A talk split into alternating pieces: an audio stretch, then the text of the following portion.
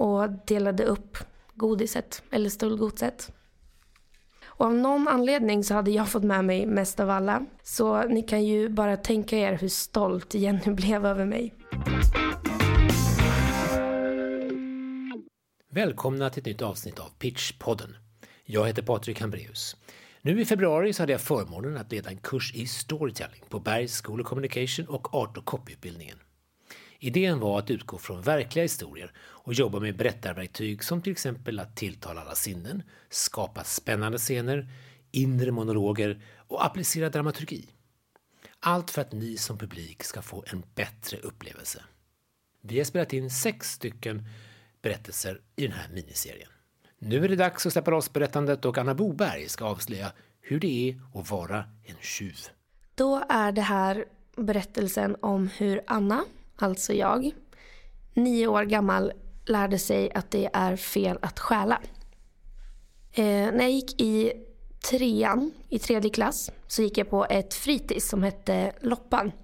Och det var en sån här typisk fritidsgård i mörkbrun plåt och så stod liksom namnet i så vita glada bokstäver på dörren.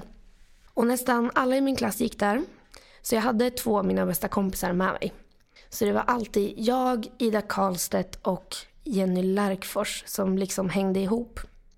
Och sen kom den där dagen när Jenny väldigt stolt skulle berätta för oss att hennes stora syster Emily hade förklarat hur enkelt det är att snatta.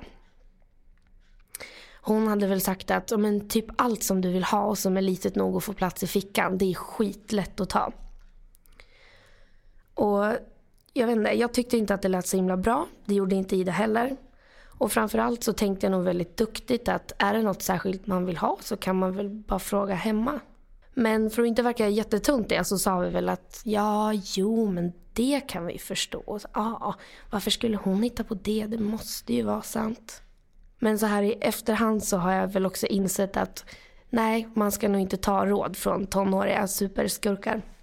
Men eh, hur som helst så blev vi övertalade. För även om själva snatteridelen inte kändes så bra i magen så gillade vi ju godis. Och framförallt så ville man inte göra Jenny arg för hon kändes liksom farlig då på ett ganska vuxet sätt. Så hon bestämde då att vi skulle gå till ICA-butiken för att den låg väldigt nära. Och det var liksom affären där jag hade handlat i hela mitt liv med mina föräldrar och där jag alltid vinkade till Inga och Kerstin som satt i kassan. Sen gick man vidare längre in och sa hej till Janne som precis visste hur tunna salamiskivor man skulle fixa i skärken så att mamma skulle bli nöjd. Och det var där hon tyckte att jag skulle lära mig att stjäla. Och så här såg taktiken ut. Vi, vi vinkade, log och ja, vinkade i kassan som alltid. Sen gick vi långsamt runt och kollade på lite grejer. Som att vi skulle försöka lura någon att tre nioåringar var där för att handla till middagen. Sen tog vi godiset och stoppade i fickorna. Gick förbi kassan igen och sa lite halvhögt till varandra att ja men åh vad synd att den där grejen var slut idag. Ja men vi kan ju komma tillbaks en annan dag och kolla. Då kanske de har fått påfyllning. Sen sprang vi tillbaka till sandlådan. Jenny nöjd. Jag panikslagen och Ida gråtandes. Och delade upp godiset, eller stöldgodset. Och av någon anledning så hade jag fått med mig mest av alla. Så ni kan ju bara tänka er hur stolt Jenny blev över mig. Du kan ju det här Anna! Och allt jag kunde tänka på var bara att jag hade klarat mig. Den här gången.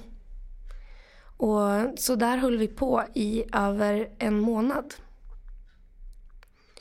Men eh, problemet var ju bara då att jag har väldigt religiösa föräldrar. Så jag började få väldigt svårt att somna på kvällarna för att jag hade så himla dåligt samvete. Och jag minns verkligen hur jag låg i sängen varje kväll verkligen efter middagen och grät och bad till Gud att så länge inte mamma och pappa hamnade i fängelse så, så kunde jag ta på mig det här. Eh, så länge de gick fria så skulle jag verkligen ta mitt straff. Och det kunde vara hur hårt som helst. För hade man gjort så fel som jag så visste jag verkligen att ja, men, då förtjänade man att ta det. Så efter en månad så kunde jag liksom inte hålla det hemligt längre. Så jag började leta efter något bra tillfälle och, och berätta för mamma. Vilket då till slut blev en eftermiddag när hon stod och gjorde sig i ordning inne på toan. Så jag kom in där och satte mig på toalocket, helt tyst. För att några sekunder senare totalt bryta ihop. Och mamma trodde att jag hade gjort illa mig och blev ju jätteorolig och bad mig berätta vad som hade hänt. Och jag bara snyftade fram att så här, mamma jag, jag kommer inte kunna bo kvar hemma nu om polisen får veta för, för jag, jag har tagit godis.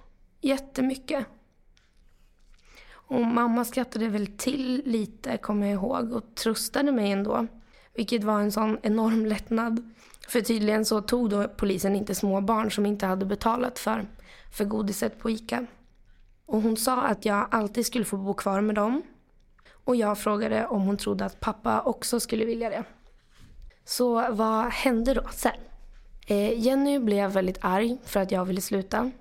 Fast att jag verkligen lovade att jag inte hade skvallrat på dem. Och där någonstans blev det liksom aldrig lika roligt att, att leka med henne igen.